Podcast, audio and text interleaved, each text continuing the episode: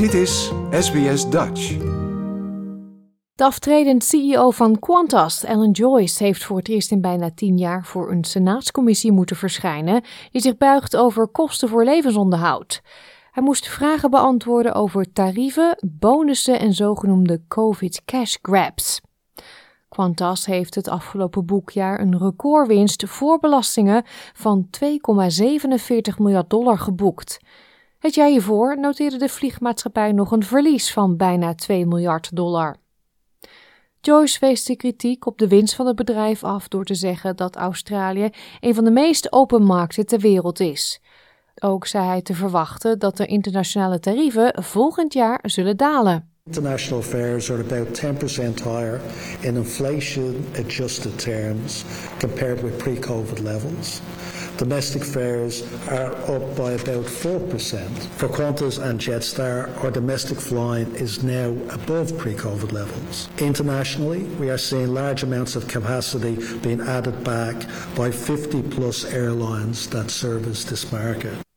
De onderzoekscommissie kreeg te horen dat Qantas tijdens de coronacrisis ruim 2,7 miljard dollar van de belastingbetaler in zijn zak heeft gestoken en dat bedrag wordt volgens Joyce niet terugbetaald. Hij zegt dat een groot deel ervan voor JobKeeper en het leasen van vliegtuigen was. De vertrekkende chef kreeg ook vragen over een mogelijk class action over vluchten die door Qantas zijn geannuleerd tijdens COVID. De commissie werd ook verteld dat de luchtvaartmaatschappij voor 3 miljard dollar aan reistegoeden had terugbetaald. Maar nu is gebleken dat daar de 100 miljoen dollar van Jetstar-klanten niet bij inbegrepen was. U hoort Stephanie Sully, de CEO van Jetstar.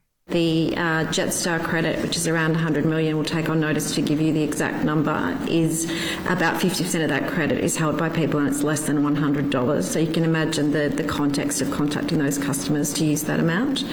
Jetstar's is primarily Australian based credit as well. Het aanbod van Qatar Airways om extra vluchten toe te voegen wordt ook onder de loep genomen. Meneer Joyce wijst de berichten dat Qantas samenspande met de regering om de concurrentie te blokkeren naar het Rijk der Fabelen. Ook wil hij niet bevestigen of hij gesprekken heeft gevoerd met betrekking tot dit onderwerp. I've said that any conversations I have with the Prime Minister or a Minister, I never divulge. I've kept that for all seven Prime Ministers um, either way, and I have no intent on changing um, my approach with uh, divulging conversations that take place. De regering werkt aan een Aviation White Paper die in 2024 wordt gepubliceerd. Joyce zei tegen de Senaatscommissie dat er beleid nodig is om te helpen bij de efficiënte oplossing van commerciële geschillen tussen luchtvaartmaatschappijen en luchthavens. Volgens hem werkt de huidige manier waarop de relatie tussen luchthavens en luchtvaartmaatschappijen geregeld wordt niet. Assistent Treasurer Stephen Jones zegt dat ze hun best doen om de zaken voor iedereen eerlijk te maken. We want to ensure that we have a viable industry in Australia and so having a national airline that occasionally posts a profit is not a bad news story, it's actually a good news story.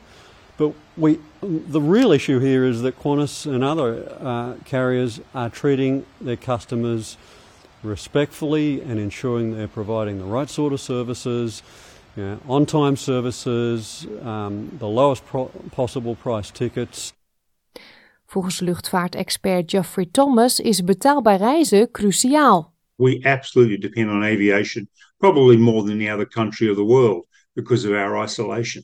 So it's very important that they're profitable. It's very important that they are they have the ability to buy the latest technology aircraft which uh, you know reduce fuel burn. The, the new aircraft that Qantas has got on order, uh, they are uh, 30, even 40% more fuel efficient than the ones they're going to replace.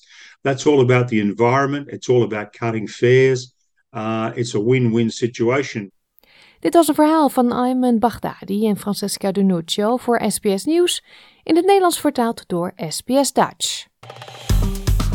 Like, deel, geef je reactie. Volg SBS Dutch op Facebook.